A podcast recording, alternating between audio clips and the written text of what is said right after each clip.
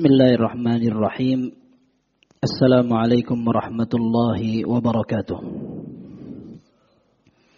الحمد لله رب العالمين وبه نستعين على أمور الدنيا والدين والصلاة والسلام على أشرف الأنبياء والمرسلين نبينا محمد وعلى آله وصحابته والتابعين ومن تبعهم بإحسان إلى يوم الدين.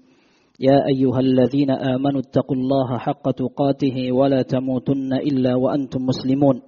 يا أيها الناس اتقوا ربكم الذي خلقكم من نفس واحدة وخلق منها زوجها وبث منهما رجالا كثيرا ونساء واتقوا الله الذي تساءلون به والأرحام إن الله كان عليكم رقيبا. يا أيها الذين آمنوا اتقوا الله وقولوا قولا سديدا. يصلح لكم أعمالكم ويغفر لكم ذنوبكم ومن يطع الله ورسوله فقد فاز فوزا عظيما فإن أصدق الحديث كتاب الله وخير الهدي هدي محمد صلى الله عليه وسلم وشر الأمور محدثاتها فإن كل محدثة بدعة وكل بدعة ضلالة وكل ضلالة في النار. أما بعد. إخوة sekalian kaum muslimin dan muslimat jamaah Masjid Mu'adh. Semoga Allah Subhanahu wa taala senantiasa melimpahkan hidayah, keberkahan pada umur kita, ilmu, harta dan semua aktivitas yang kita kerjakan. Dalam sahih Muslim disebutkan kharaja Rasulullah sallallahu alaihi wasallam dzata yaumin aw.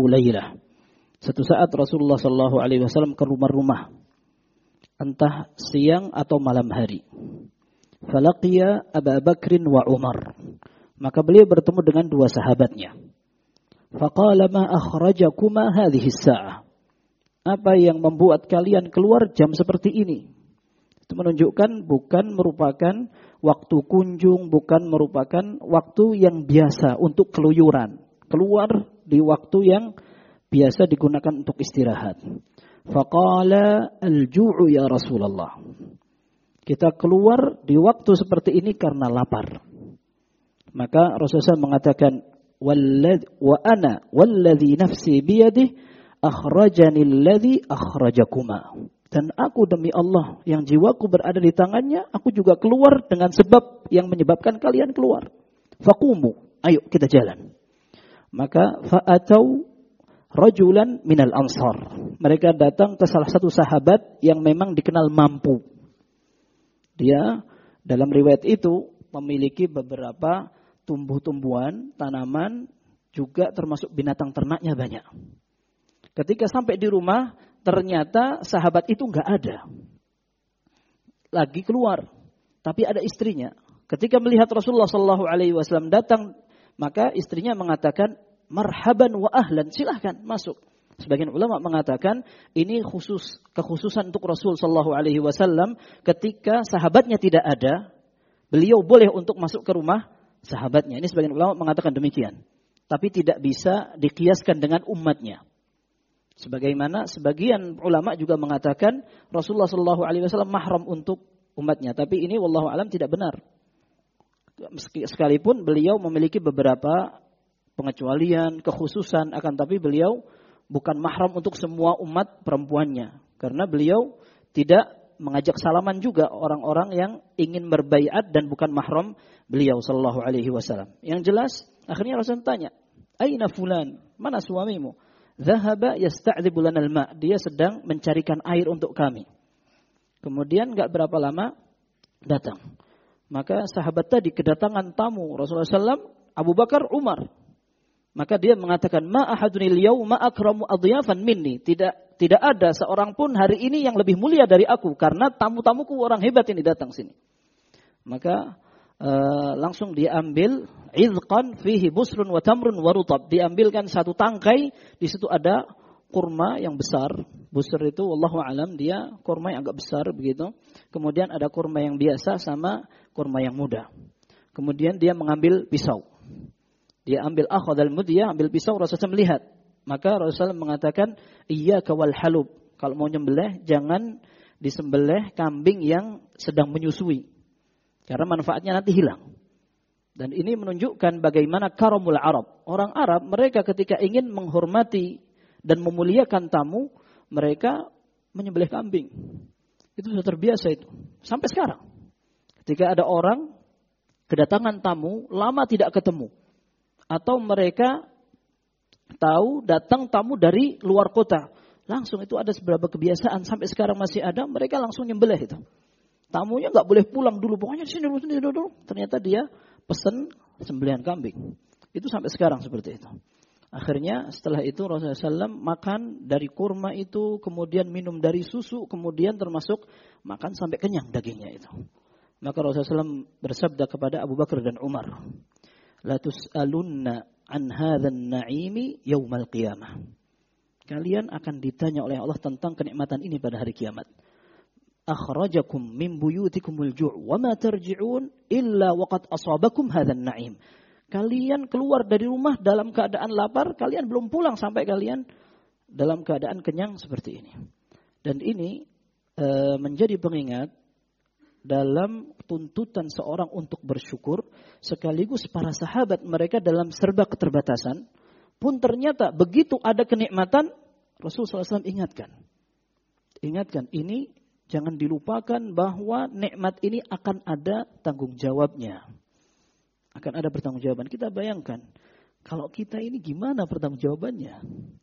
Di zaman sahabat, pakaian mereka, makanan mereka seperti itu. Sampai kelaparan. Kita nggak kebayangkan Abu Bakar sama Umar orang pendekar itu orang mulia. Orang pembesarnya Quraisy, sahabat terdekatnya Rasulullah SAW. Rasulullah SAW datang, mesti Abu Bakar Umar ada keluar, pergi, datang, mesti Abu Bakar Umar ada. Tapi mereka sempat kelaparan kayak begitu. Kita kena corona aja kemarin kita bingung itu. Ya, sampai banyak orang demo, nggak percaya, sampai ketakutan kayak hari kiamat dan menjadi itu. Padahal orang miskin zaman kita pakaiannya banyak sekali. Di zaman Nabi Shallallahu Alaihi Wasallam orang mungkin pakai satu helai saja. Ya, saya pernah ceritakan. Jabir bin Abdullah radhiyallahu anhu beliau pernah satu saat sholat bersama Nabi SAW karena pengen lapor, curhat atau menyampaikan sesuatu tengah malam. Ternyata Rasulullah SAW sedang sholat. Maka beliau ikut sholat bersama Nabi SAW dulu. Setelah selesai sholatnya, baru tanya, Mahada ya Jabir, kamu ngapain nih pakaian kerudukan begini, dipakai di asal dipakai begitu.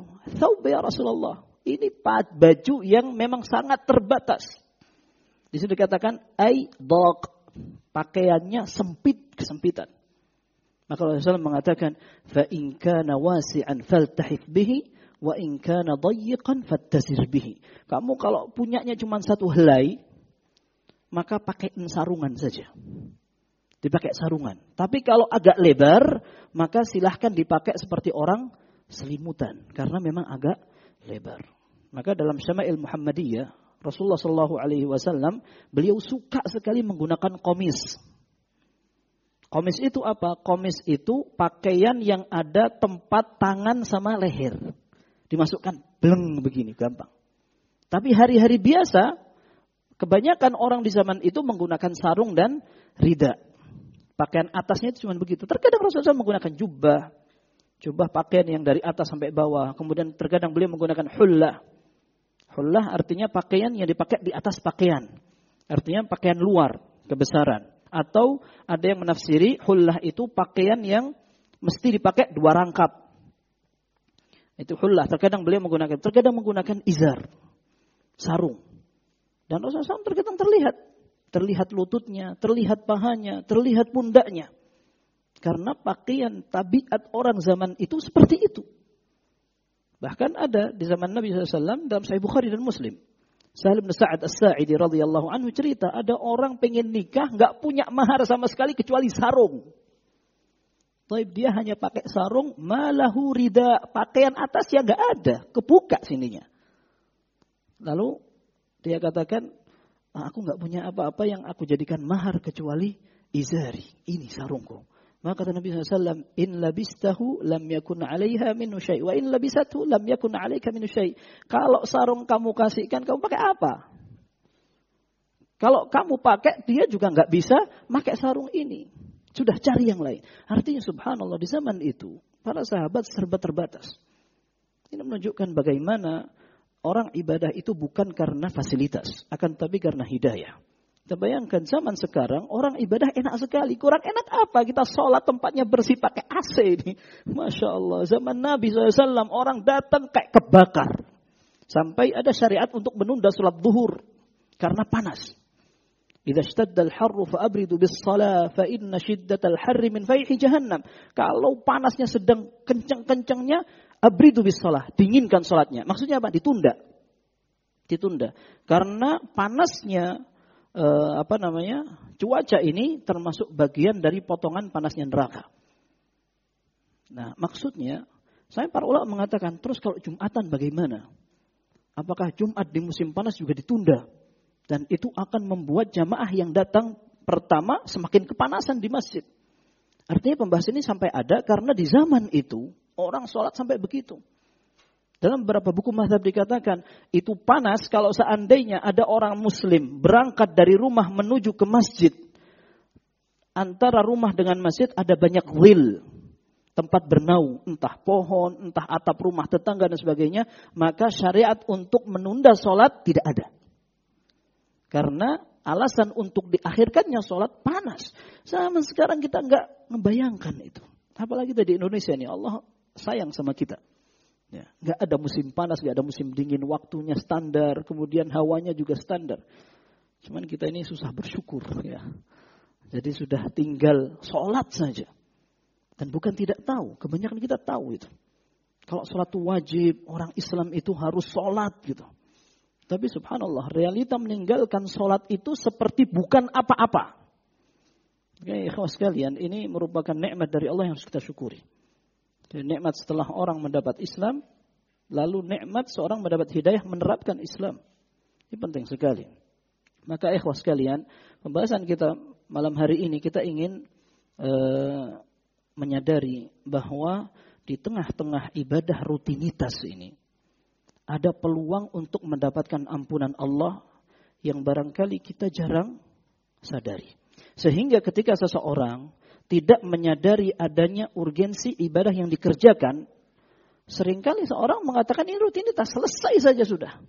Cepat selesaikan. Kalau Rasulullah SAW mengatakan, arihna bis salati ya Bilal. Ya Bilal, kita jadikan salat sebagai kesempatan istirahat, dinikmati. Ya. Kebanyakan kita, ayo sudah cepat sholat biar lega, nggak ada tanggungan. Jadi kita kepikiran itu sholat ada tanggungan beban. Kalau sudah sholat sudah enak itu. Jamak atau menggabungkan sholat itu zuhur sama asar. Pengennya itu bisa zuhur, asar, maghrib, isya itu. Ya. Artinya kita belum sampai ke tahap itu. Menikmati sholat sebagaimana dulu para sahabat. Karena bisa jadi di antara faktornya kita kurang mengetahui itu bacaan kita baca.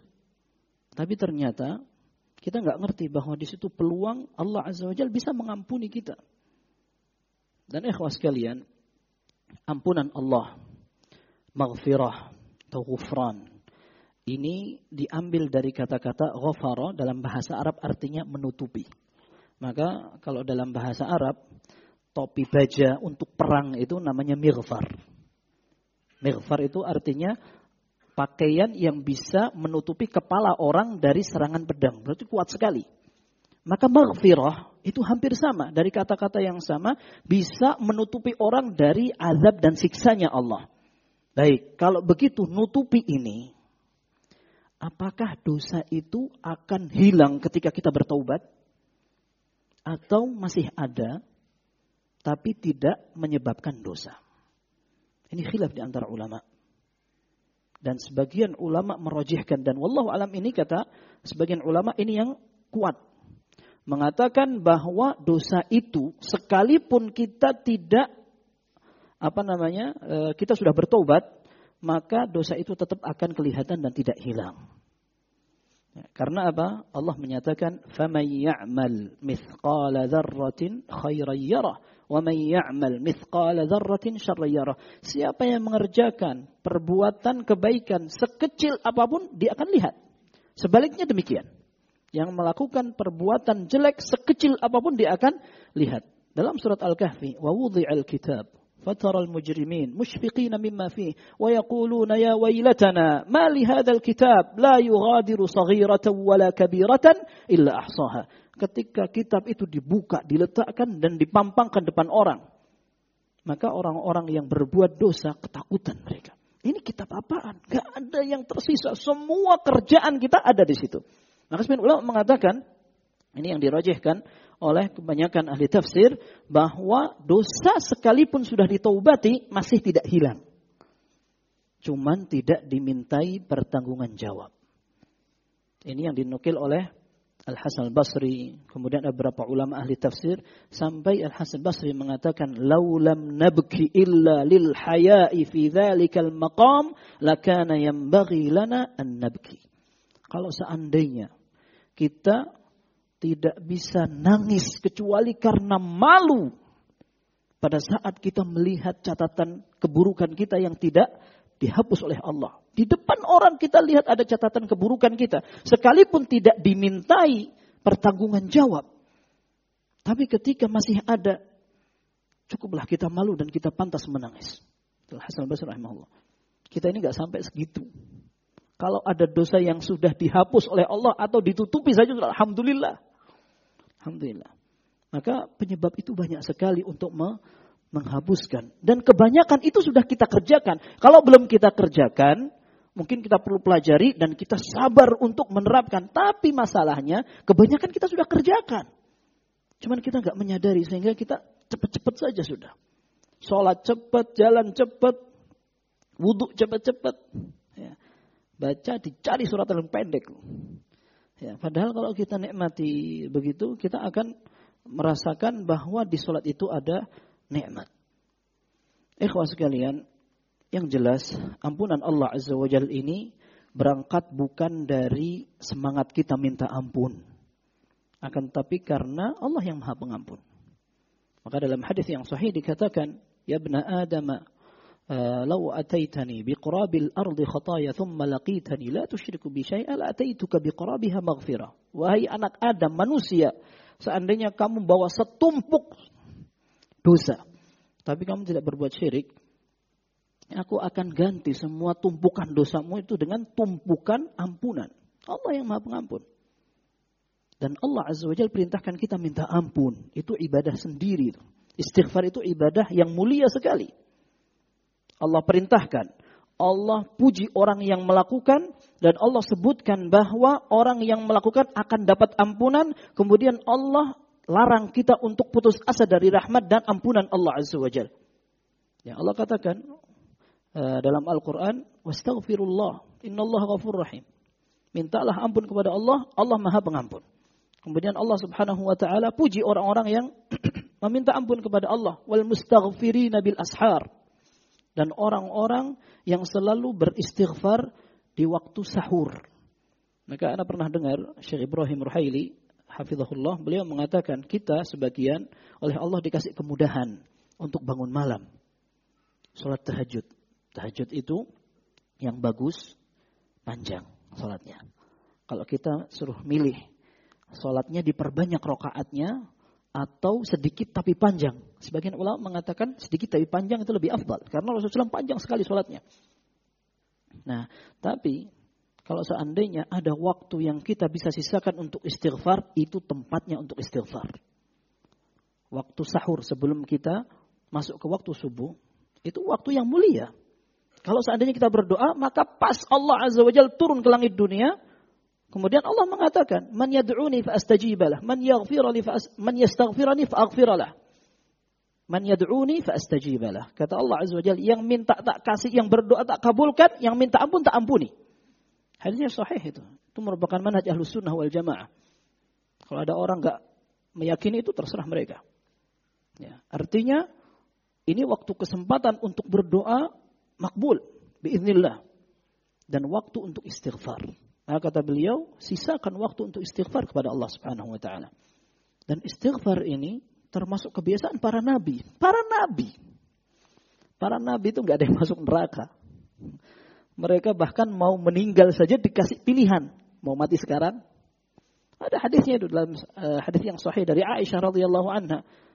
Setiap nabi ketika akan meninggal akan dikasih pilihan.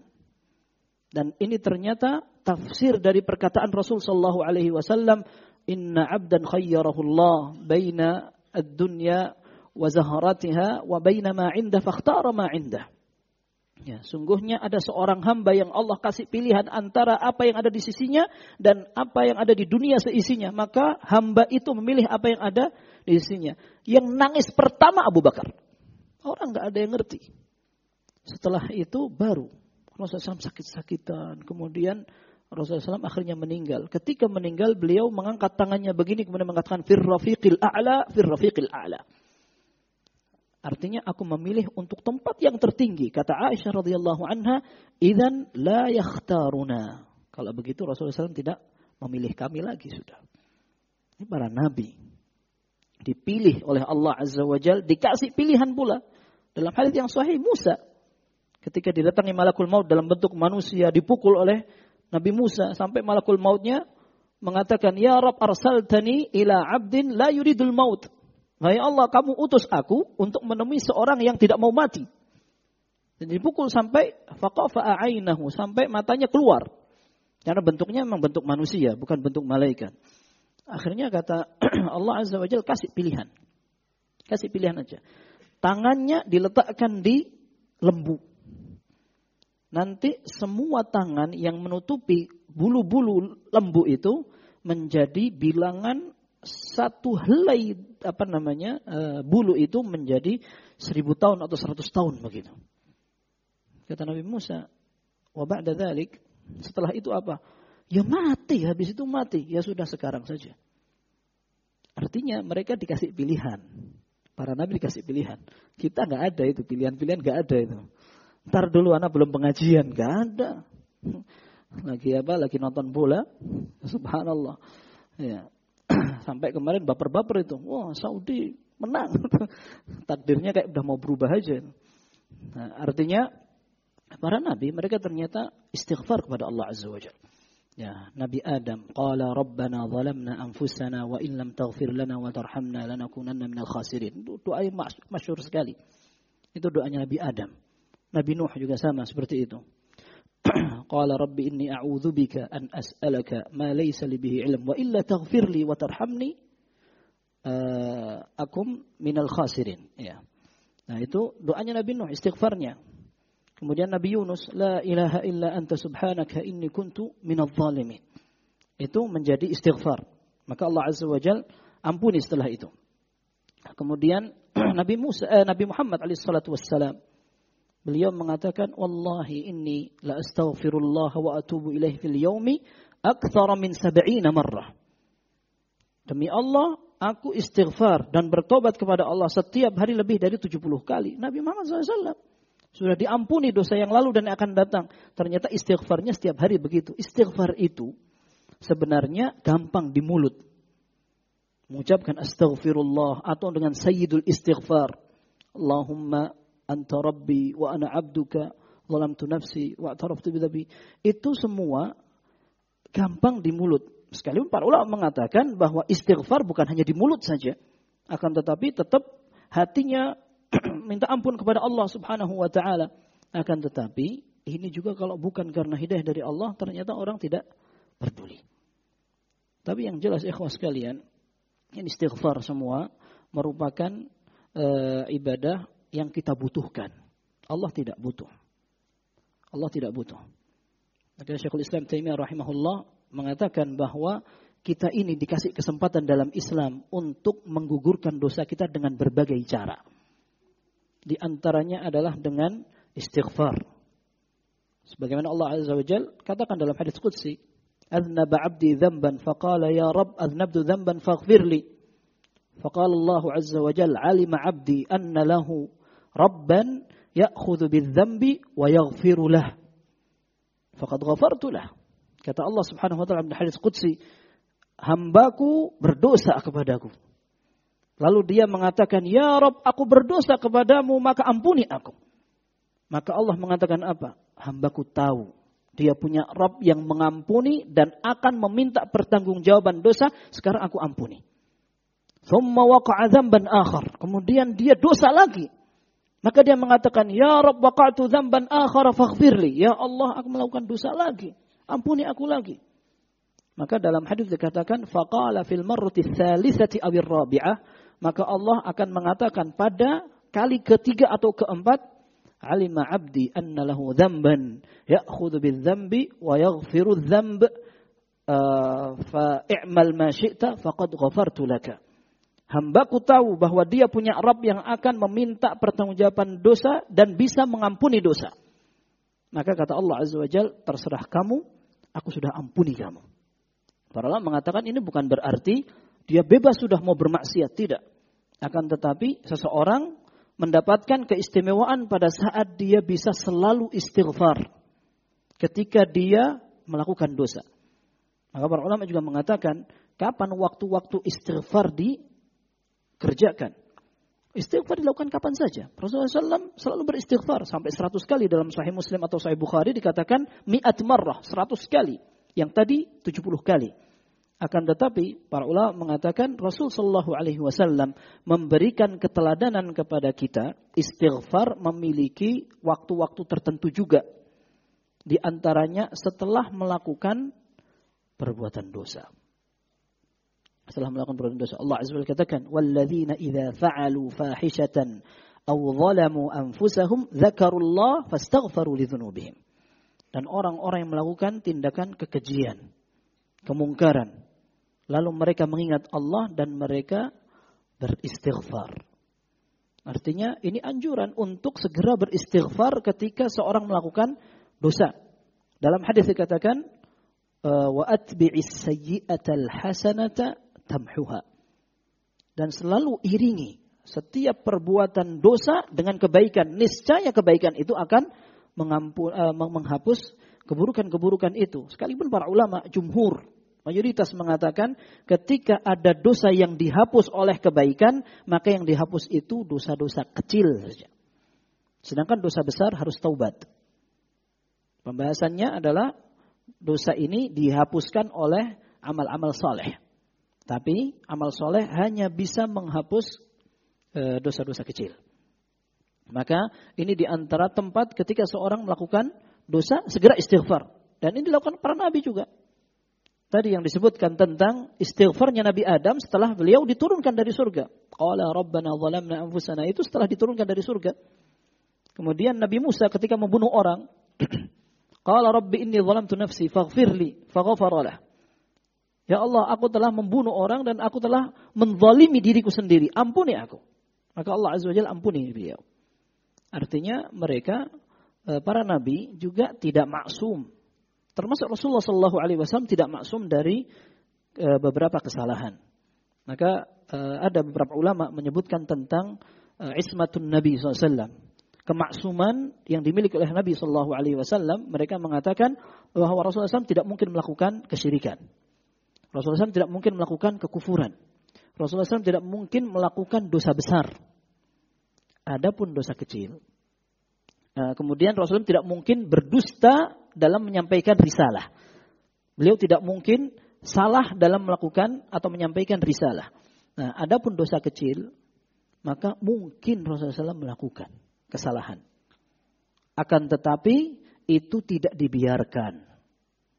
Allah akan tegur Nabi Shallallahu Alaihi Wasallam bahkan dosa kecil ini bisa menjadi peluang untuk meninggikan derajat Rasul Shallallahu Alaihi Wasallam sekaligus menjadi pelajaran untuk umatnya. Contohnya apa? Rasulullah SAW ditegur oleh Allah Azza Wajalla beberapa kejadian ketika mengharamkan apa yang Allah halalkan minum madu ya minum madu lalu sebagian istrinya sekongkol nanti siapa pun di antara kita yang ditemuin duluan oleh Nabi SAW bilang ya, ini bau apa? Akhirnya salah satu dari Hafsah dan Aisyah mengatakan, ini bau nggak enak ya. ya. Rasulullah SAW datang ke istri yang satunya, mengatakan lagi yang sama, maka Rasulullah SAW berarti ini gara-gara madu yang dikasih oleh fulanah. Anak nggak akan minum lagi. Padahal dua orang bersekongkol itu. Maka turun firman Allah, Ya ayuhan nabiyyu lima tuharrimu ma ahallallahu lak tabtaghi mardata azwajik. Wahai Nabi, kenapa kamu mengharamkan yang Allah halalkan hanya karena mencari kerelaan istri-istrimu? Ditegur itu. Ketika Rasulullah Wasallam memilih eh, apa pendapat Abu Bakar pada perang Badar agar orang-orang kafir tidak dibunuh akan tetapi mereka disuruh untuk ngajar kaum muslimin. Turun firman Allah Subhanahu wa taala sampai nangis mereka. Rasulullah SAW menangis, Abu Bakar menangis, Umar datang bingung, ada apa kalian? Umar bin Khattab pendapat beliau hancurkan semua itu. Tawanan tuh bunuh semua, biar orang Arab tahu kalau kita kuat. Umar bin Khattab orangnya bukan kejam tapi tegas. Ya. Setannya takut sama Umar bin Khattab anhu. Ketika Abu Bakar dan Umar menang, uh, Abu Bakar dan Rasul SAW menangis, Umar datang. Kalian nangis kenapa? Kabari aku biar aku bisa nangis bersama kalian. Kemudian diberitahu itu kalau seandainya tidak ada yang selamat kecuali satu orang, kamu yang selamat wahai Umar. Maka nabi nabiyyin an yakuna lahu asra hatta yuthkhina fil ard. Tidak pantas seorang nabi memiliki tawanan sampai dia berhasil menunjukkan kekuatannya, dibunuh orang-orang musuhnya. Ya. Artinya Nabi Shallallahu Alaihi Wasallam bisa salah dalam beberapa dosa kecil, akan tetapi tidak sampai dibiarkan. Dan ini bisa menjadi peluang untuk istighfar. Sekalipun tidak salah, Rasulullah SAW juga istighfar setiap hari. Ini setelah melakukan kesalahan. Kemudian para ulama juga mengatakan istighfar bisa dilakukan setelah melakukan amal soleh. Karena kita merasa dan menyadari amal soleh itu banyak kekurangannya. Maka dalam beberapa contoh ibadah kita diperintahkan istighfar. Setelah melaksanakan ibadah. Contohnya salat. Karena Rasulullah SAW, idan sarafa min salatihi istaghfara thalathan." Dalam Sahih Muslim, Rasulullah SAW apabila beliau selesai melaksanakan salat, maka beliau istighfar tiga kali. maka salah seorang rawi dari hadis ini bertanya, "Kaifal istighfar?" Qal taqul astaghfirullah astaghfirullah astaghfirullah. Istighfar habis salat itu begitu. Astaghfirullah, astaghfirullah, astaghfirullah. Ini tidak menafikan ada uh, redaksi yang berbeda ketika seorang habis salat kemudian istighfar dengan lafaz yang lain tapi yang jelas ini habis salat dianjurkan untuk istighfar termasuk setelah menunaikan ibadah haji ثم أفيضوا من حيث أفاض الناس واستغفروا الله setelah haji selesai, wukuf selesai, kemudian kamu melempar jumrah, menyembelih hewan, kemudian tahallul, sekarang tawaf ifadah. Setelah tawaf ifadah selesai sudah, tinggal me, apa namanya melaksanakan hari-hari mina yang tersisa. Maka istighfarlah kepada Allah Subhanahu wa taala. Termasuk di antaranya adalah ketika seseorang selesai bermajlis. Dianjurkan, Nabi SAW anjurkan itu. Subhanakallahumma rabbana bihamdika itu. Itu itu semua menjadi kafaratul majlis. Kafarah artinya pengampun atau penghapus kesalahan selama dalam majlis. Artinya ini dalam hal istighfar dilakukan setelah seseorang melakukan ketaatan. Juga ada sunnahnya. Kemudian ikhwas sekalian, eh, kesempatan untuk mendapatkan ampunan dosa itu eh, mulai sejak kita berwudhu. Karena wudhu yang kita lakukan ternyata Nabi Shallallahu Alaihi Wasallam sebutkan secara detail pembersihan dosa sebagaimana pembersihan anggota badan kita. Dalam Sahih Muslim, Rasulullah Shallallahu Alaihi Wasallam mengatakan, "Ma minkum rajulun yuqarribu wudu'ahu fayumadmid wa yastanshiq fayantathir illa kharrat khataya wajhihi wa fihi wa khayashimihi." Tidaklah seorang muslim dia mulai menyiapkan air wudhu, kemudian dia beristinsyak. Kemudian dia uh, istinsyak itu artinya menghirup air ke mulut. Kemudian dia berkumur. Melainkan eh, dosa-dosa dari sini akan berguguran. Akan berguguran. Thumma idza ghassala wajhahu kama amarahu Allah illa kharrat khataya wajhihi min atrafi lihyatihi ma'al ma'. Kemudian apabila dia mulai membasuh mukanya, maka dosa-dosa yang ada di muka ini akan berguguran bersama tetesan terakhir air yang lewat jenggotnya. Kalau nggak punya jenggot gimana? Ya, ini yang jelas menunjukkan Rasulullah SAW sampai sering mengingatkan ini jenggot ini kebiasaan mereka dulu dan Rasulullah SAW tidak jadikan itu kebiasaan kaum muslimin, tapi itu syariat. Maksudnya apa? Sebagian yang dilakukan oleh Nabi Shallallahu Alaihi Wasallam beliau kerjakan sebagai sebuah kebiasaan. Kalau itu kebiasaan, tidak wajib kita ikuti dan tidak disunahkan juga. Contohnya apa? Rasulullah Shallallahu Alaihi Wasallam menyisir rambutnya. Kadang begini, kadang begini. Dan kadang Rasulullah SAW tidak menyisir rambutnya, dibiarkan saja. Tapi Rasulullah SAW pakai sarung. Rasulullah SAW makan kurma. Kata para ulama, ini adalah tindakan Nabi Shallallahu Alaihi Wasallam yang dilakukan karena kebiasaan, bukan karena sunnah. Kalau yang pakai sarung mengatakan saya lebih sunnah dari ente. Ente pakai celana, aku pakai sarung. Lebih sunnah ini salah. Kalau ada orang mengatakan Rasul SAW pakai jubah, aku pakai jubah karena aku suka tampilanku sama dengan Nabi SAW. Tidak apa-apa, itu bagus. Ada pahalanya. Karena kecintaan dia dan keinginan dia untuk bertampil sama dengan Nabi SAW ada pahalanya. Tapi tindakan secara khusus dari perbuatan itu sebenarnya Rasulullah melakukan karena sifat beliau manusia dan kebiasaan. Nah, ini yang kurang dipahami secara detail oleh kebanyakan kaum muslimin sehingga mereka mengatakan Rasulullah SAW rambutnya panjang, saya pengen rambut saya panjang. Subhanallah, mereka lupa bahwa penjelasan ulama itu dilakukan karena adat, kebiasaan. Maka dalam hadis ini Syamil Muhammadiyah semuanya disebutkan oleh Imam Tirmidzi dalam Syamil Muhammadiyah lengkap. Rasulullah SAW awal-awal pengen sama dengan ahlul kitab. Tidak suka dengan musyrikin, abadatul auzan. Akhirnya rambutnya dibikin biarkan saja begini, terburai. Setelah itu Rasulullah Shallallahu Alaihi Wasallam ingin menyelisihi ahlul kitab. Akhirnya beliau belah. Ya. Karena memang rambut orang di zaman itu seperti itu. Ya. Maka Ibnu Abdul Bar rahimahullah Ibn Abdul Bar ini ulama meninggal tahun 463. Berarti ada sekitar 800-an dari zaman kita. Ya, beliau mengatakan bahwa rambut panjang di zaman kita menjadi kebiasaan tentara. Wa ahlus salahi yatajannabuna dzalik. Sedangkan orang-orang saleh yang eh, apa mereka terkenal dengan aktivitas ibadahnya, mereka enggak melakukan itu sudah menjadi ciri. Kalau zaman sekarang kan yang cepat kan militer, ya kan? Dan itu kebiasaan saja. Kebiasaan saja. Nah, di zaman itu militer justru rambutnya gondrong, panjang dan sebagainya. Tapi sekarang ketika ada orang rambutnya dipanjangkan, pengennya biar sunnah, tapi jenggotnya dipelontosin. Ini kebalik seterbalik-baliknya. Nah, karena kalau jenggot ini diperintahkan oleh Nabi SAW.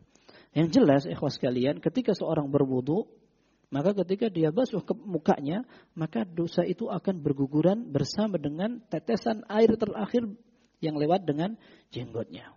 ثم يغسل يديه إلى المرفقين إلا خرت خطايا يديه من أطراف أنامله مع الماء. Kalau dia wudhu kemudian membasuh atau mencuci tangannya sampai sikunya, Melainkan semua dosa-dosa yang pernah dilakukan dengan tangan ini akan keluar bersama air yang lewat ujung-ujung jari. Thumma yamsahu ra'sah. Illa kharrat khataya ra'sihi min atrafi sya'rihi ma'al ma. Kalau dia basuh kepalanya, maka dosa kepalanya juga akan berguguran bersama tetesan air dari rambutnya. ثم يغسل قدميه إلى الكعبين إلا خرت خطايا رجليه مع أطراف أنامله مع الماء kaki juga begitu sampai di mata kaki akan berguguran dosanya. Artinya ikhwas kalian, ini kita kerjakan tiap saat karena kita nggak mungkin batal terus sholat nggak pakai wudhu. Tapi kadang kita kurang menyadari bahwa ternyata dalam e, tindakan rutinitas itu ada yang uh, lebih nilainya. Ini belum kita bahas lagi tentang uh, Rasulullah sallallahu alaihi wasallam mengatakan inna ummati ya'tuna yaumal qiyamati ghurram muhajjalina min atharil wudu. Dalam Sahih Bukhari dan Muslim dikatakan sungguhnya umatku akan datang pada hari kiamat dalam keadaan bersinar. Karena mereka di dunia melakukan wudu. Maka ditanya dalam sebuah hadis Rasulullah Shallallahu Alaihi Wasallam akan mendahului kita untuk nungguin di telaganya. Ini faratukum alal haud. Aku akan mendahului kalian, tak tungguin kalian nanti di haud telaganya. Maka sebagian sahabat bertanya, Ya Rasulullah, yang akan lewat tuh banyak. Bagaimana antum kenal dengan umatmu? Maka Rasulullah mengatakan, aku kenal mereka min azharil wudu dari bekas mereka berwudu. Maka Abu Hurairah radhiyallahu anhu yang meriwayatkan hadis tadi, beliau mengambil kesimpulan kalau gitu dibanyakkan wuduannya. Faman istata'a minkum an yutila ghurratahu falyaf'al. Kata Abu Hurairah yang bisa menambah jumlah badan yang dibasuh tambah ono gitu istilahnya. Tambahkan saja. Ya, akhirnya Abu Hurairah pernah dalam Sahih Muslim beliau wudhu sampai sini. Di tangannya itu di bawah sampai sini, sampai sini, kemudian kakinya sampai di paha. Ketahuan seorang muridnya dari belakang. Ya Abu Hurairah, ma hadzal wudu? Abu Hurairah ini wudu apaan gitu. Maka dia mengatakan, "Ya Bani Farrukh, antum hahuna law alimtu annakum hahuna ma tawadda'tu hadzal wudu." Oh, kamu di sini ya. Kalau aku tahu ada orang aku nggak wudu kayak gini. ini menunjukkan sebenarnya ini ijtihad beliau sendiri. Nah, beliau lalu sebutkan hadis yang tadi dan juga hadis tablughul hilyatu minal mu'mini haitsu yablughul wudu. E, perhiasan seorang mukmin akan diberikan sesuai kadar wudu dia. Maka Abu Hurairah radhiyallahu anhu beliau berinisiatif.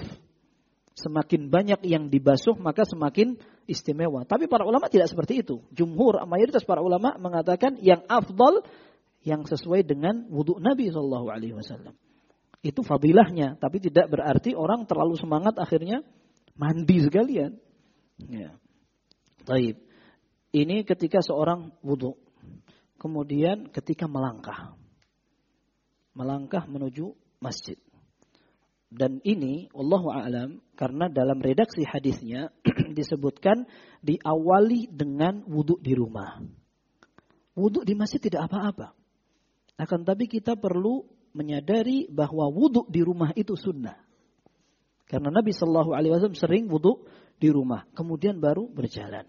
Dalam hadis dikatakan fa inna ahadakum idza tawadda'a fa ahsan thumma kharaja ila salati la yukhrijuhu illa salah Seorang di antara kalian apabila wudhu di rumah kemudian menyempurnakan wudhunya. Kemudian keluar, tidak ada tujuan dari keluarnya kecuali untuk salat. Lam yakhtu khutwatan illa rufi'at lahu biha darajah wa hutta anhu biha khati'ah. Tidak dia melangkah kecuali satu langkah tambah pahala, satu langkah menggugurkan dosa. Bayangkan itu. Kalau langkahnya jauh gimana? Dari Masjid Mu'al, dari puncak sana turun sini. Sebagian orang sampai keliling Ya, jadi Rasulullah SAW beliau eh, apa sampai memberikan sunnah ketika hari raya untuk mencari jalan yang berbeda. Tapi kalau sholat-sholat biasa gimana? Kalau kita cari jalan yang jauh, rumahnya di belakang masjid, tapi dia pengen pahala yang banyak muter dia.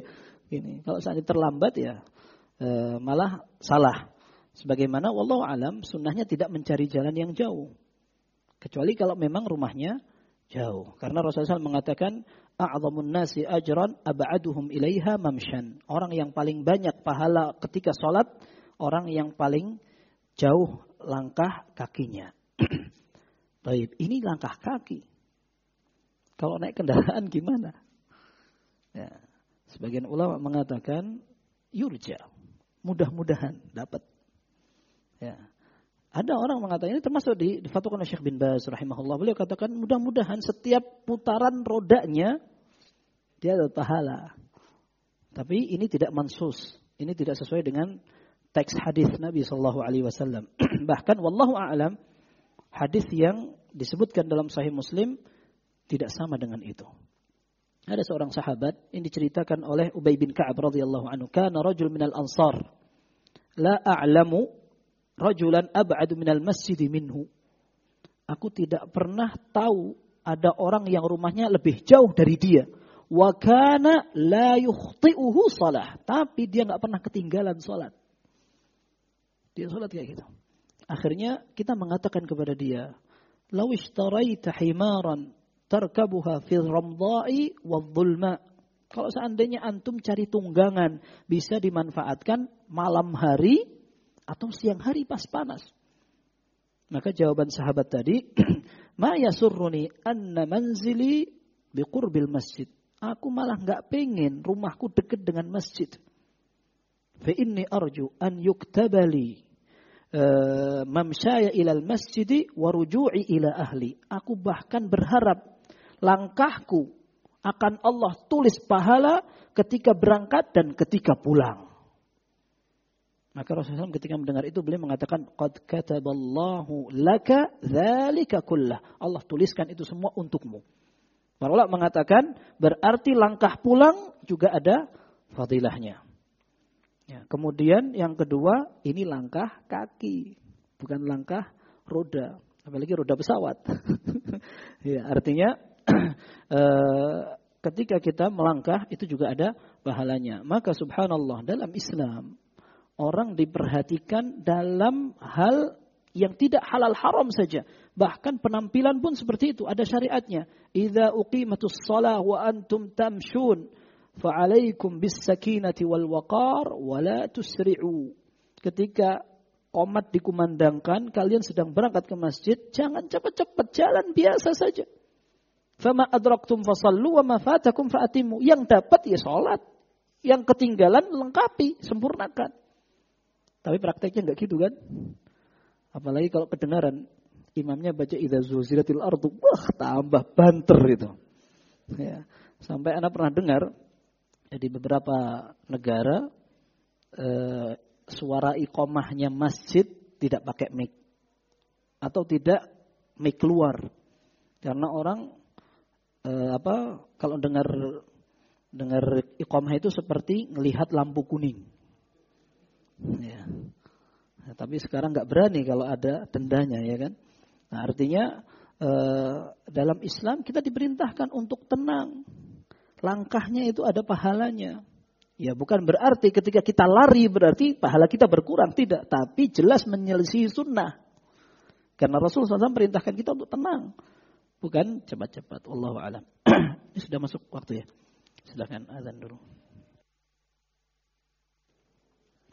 Taib. Kemudian berikutnya ketika seseorang sampai di masjid dan dia melaksanakan sholat sunnah lalu menunggu sholat yang akan dilaksanakan. Maka ini akan dihitung seperti dia dalam keadaan sholat terus menerus. Dalam hadis yang sahih oleh Abu Hurairah radhiyallahu an Rasulullah mengatakan, "Fa'idha shalla lam tazalil malaikatu tusalli alaihi ma dama fi musallah." Allahumma salli alaih, Allahumma gfirlah, Allahumma arhamhu. Wala yazalu fi salatin man salah. Kata Nabi SAW, apabila orang tadi jalan, kemudian sampai masjid, lalu dia sholat. Kemudian dia nunggu sholat. Maka dia akan didoakan malaikat. Ini sebagian masyarakat, mereka punya hobi. Kalau ada yang mau berangkat umroh, tolong doain saya sebut nama saya depan Ka'bah. Kalau perlu doanya pakai video call. Depan Ka'bah nih, depan Ka'bah. Subhanallah, ada aja orang punya keyakinan kayak begitu ya. Ya, sebut nama, tulis namanya di gunung Jabal Jabal Nur apa-apa itu. Ya. Ini nggak usah minta, malaikat doakan. Malaikat ini jelas nih. Malaikat itu makhluk yang tidak pernah bermaksiat kepada Allah Subhanahu wa taala. Kalau kita minta doa sama orang, mungkin doa kita lebih manjur. Ya, maksudnya ini malaikat mendoakan untuk orang yang datang ke masjid kemudian sholat dan nunggu sholat berikutnya maka malaikat mendoakan ya Allah ampuni dia kasih dia rahmat. Kemudian Rasul mengatakan dia akan selalu dalam kondisi sholat selama menunggu sholat. Maka Anas bin Malik radhiyallahu anhu beliau pernah mengatakan mazalal qaumu fi khairin man khair satu kaum akan selalu dalam keadaan baik selama mereka menunggu kebaikan. Itu gara-garanya ketika Nabi Shallallahu Alaihi Wasallam sholat isya telat, bukan telat, sengaja. Rasulullah Shallallahu Alaihi Wasallam tidak segera keluar sampai sepertiga malam atau setengah malam. Baru saja Rasulullah SAW keluar, kemudian mengimami sholat isya, lalu beliau mengatakan eh, bahwa ini afdal untuk kalian Innan nasa qad sallau wa raqadu wa innakum la tazalu fi salatin man tadhartumus salah. Kata Nabi SAW, orang-orang semua sudah sholat dan mereka tidur. Tapi kalian masih di sini, nunggu sholat. Sungguhnya kalian masih dalam keadaan sholat selama kalian menunggu sholat.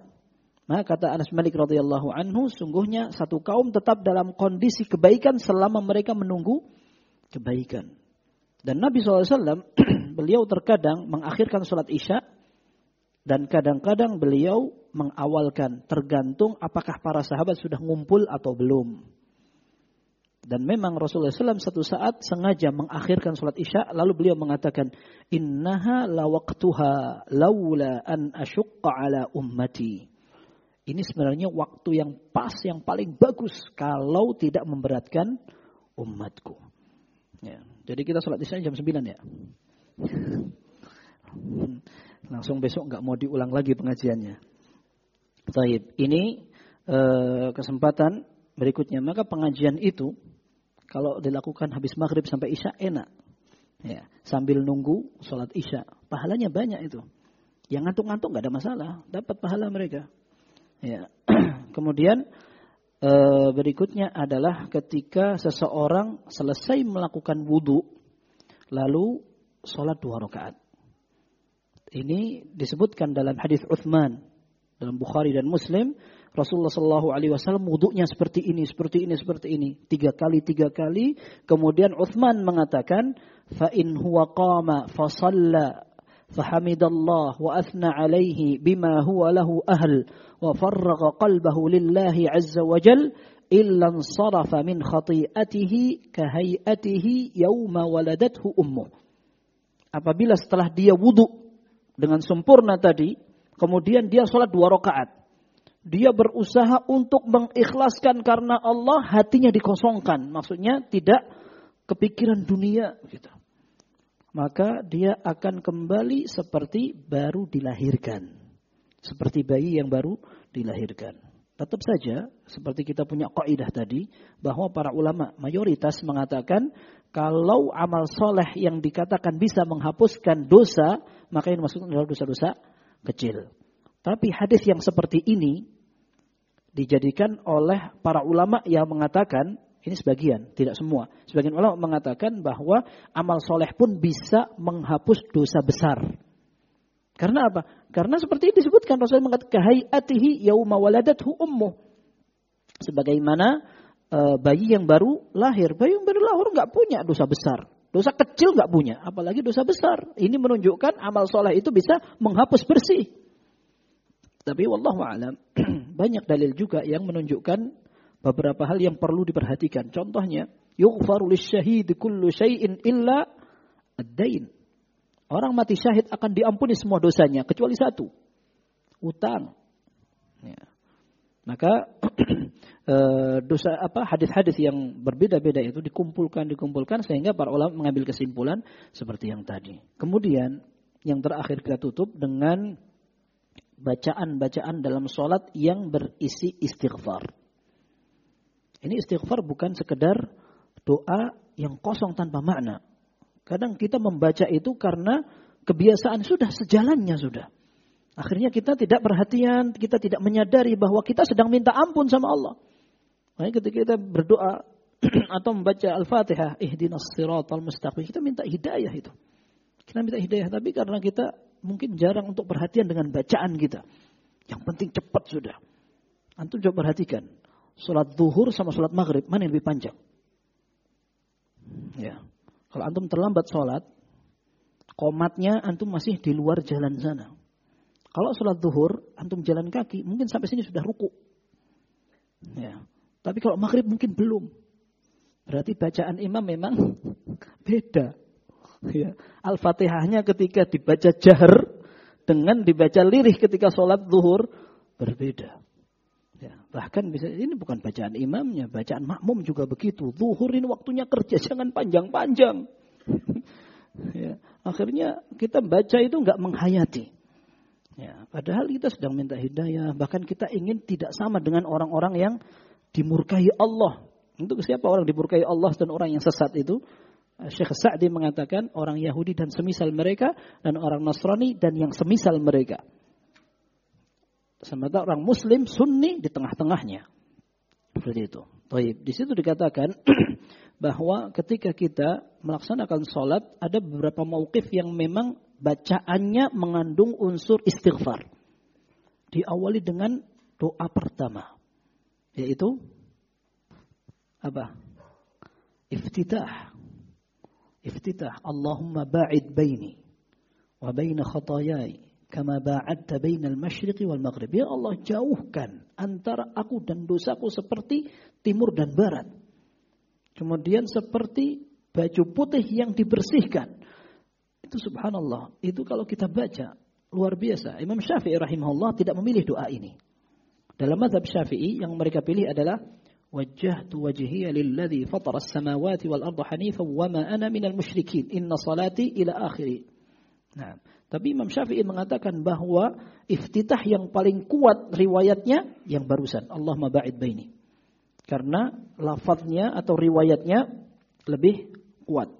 Jalur periwayatannya. Tapi bukan ini dan yang sana, dua-duanya mengandung istighfar. Karena dalam wajah tu wajhiyya lilladzi fatara itu dalam sahih Muslim dari hadis Ali radhiyallahu anhu. Bagian akhirnya ada kandungan istighfarnya. Rasulullah Shallallahu Alaihi Wasallam mengatakan, eh, "Faghfir li dzunubi jami'an fa innahu la yaghfiru dzunuba illa ant." Ya Allah, ampuni semua dosaku. Tidak ada yang bisa mengampuni dosa kecuali Engkau. Kata para ulama, ini merupakan redaksi ketika kita mengakui bahwa memang yang kita minta itu hanya Allah saja, nggak bisa selain Allah mengampuni dosa. Dan itu salah satu faktor agar doa kita diterima oleh Allah, kita katakan bahwa kepada siapa kita mau minta kalau tidak selain Allah subhanahu kepada selain Allah. Kemudian yang terakhir juga astaghfirullah wa atubu ilaih. Doa yang tadi itu. Baru iftitah itu. Tapi iftitahnya panjang memang itu. Iftitah yang wajah tu wajhiya lilladhi fatara as-samawati wal arda hanifan wa ma ana minal musyrikin. إن صلاتي ونسكي ومحياي ومماتي لله رب العالمين لا شريك له وبذلك أمرت وأنا أول المسلمين. Dalam beberapa riwayat minal muslimin. اللهم أنت الملك لا إله إلا أنت أنت ربي وأنا عبدك ظلمت نفسي واعترفت بذنبي فاغفر لي ذنوبي جميعا فإنه لا يغفر الذنوب إلا أنت واهدني لأحسن الأخلاق لا يهدي لأحسنها إلا أنت واصرف عني سيئها لا يصرف عني سيئها إلا أنت itu dibaca panjang itu baru iftitah kalau kepanjangan lupa langsung ruku nggak sah sholatnya ya itu baru iftitahnya kemudian setelah itu doa yang sering kita baca ketika ruku dan sujud ketika rukuk dan sujud Rasulullah SAW memang mengajukan seperti itu. Kata Aisyah radhiyallahu anha, "Kana Rasulullah sallallahu alaihi wasallam mimma yukthiru an yaqula fi ruku'ihi wa sujudihi, subhanakallahumma rabbana wa bihamdika Allahumma ighfirli." Rasulullah SAW yang paling sering membaca doa rukuk dan sujud ini. Subhanakallahumma rabbana wa bihamdika Allahumma ighfirli. Minta ampun. Kemudian yang ketiga ketika duduk antara dua sujud. Di antara doanya Rabbighfirli Rabbighfirli. Ini dalam riwayat Ahmad, Abu Dawud, Nasai dan Ibnu Majah dengan sanad yang sahih Rasulullah SAW membaca Rabbighfirli Rabbighfirli. Sebagian menggunakan doa yang maksur yang dipilih oleh mazhab Syafi'i. Allahumma ghfirli warhamni wajburni wahdini wa'afini warzuqni. Ya. Ini juga sama. Ada permintaan ampunan. Tapi ini doa yang paling pendek. Jadi orang kalau duduk antara dua sujud cepat sekali itu. Rabbi firli, Rabbi firli, sujud lagi.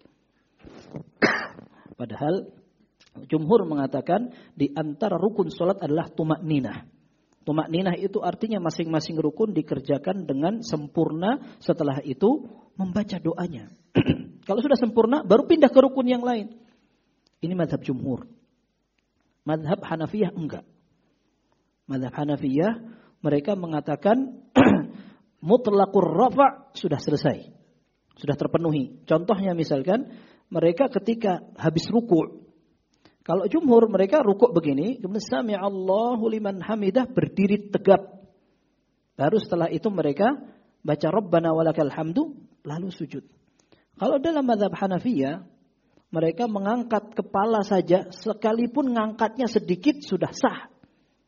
Sami Allah liman hamidah gini, langsung sujud. Itu ada orang-orang Hanafiyah seperti orang Pakistan, India, Bangladesh itu mereka pakai madhab itu, jadi mereka cepat sekali sholatnya, set langsung turun. Gitu.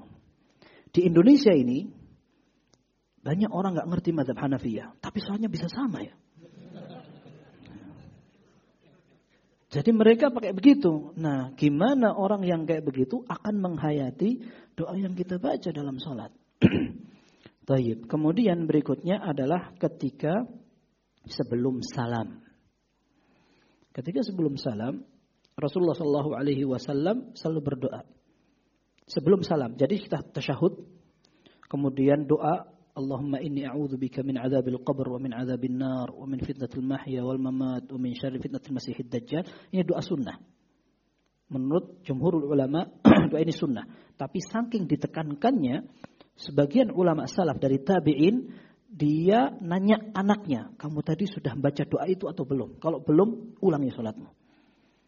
Itu bukan berarti dia mewajibkan, akan tapi dia ingin menekankan kepada anaknya, jangan gampang meninggalkan doa seperti ini. Kemudian setelah itu Rasulullah Shallallahu Alaihi Wasallam sebelum salam berdoa Allahumma ghafirli ma qaddamtu wa ma akhartu wa ma asrartu wa ma a'lantu wa ma asraftu anta a'lamu bihi minni. Anta al-muqaddim wa anta al-muakhir. La ilaha illa ant ini jadikan doa sebelum salam. Dan sebelum salam merupakan tempat untuk dimanfaatkan berdoa kepada Allah. Karena Rasulullah mengatakan, "Tsummal yatakhayyar minad du'a'i a'jabahu ilaihi fayad'u." Ketika Nabi SAW mengatakan, orang yang ingin berdoa itu salawat dulu. Jangan keburu-buru. Puji Allah, salawat, baru setelah itu doa. Maka ketika tasyahud, seorang sudah melakukan itu. Maka Rasulullah SAW kemudian mengatakan, setelah itu mau doa apa saja silahkan. Maka para ulama katakan, di antara tempat yang kita bisa berharap lebih dikabulkan doanya, sujud dan sebelum salam. Nah ini semua istighfar dan kita kadang tidak perhatian itu. Ya.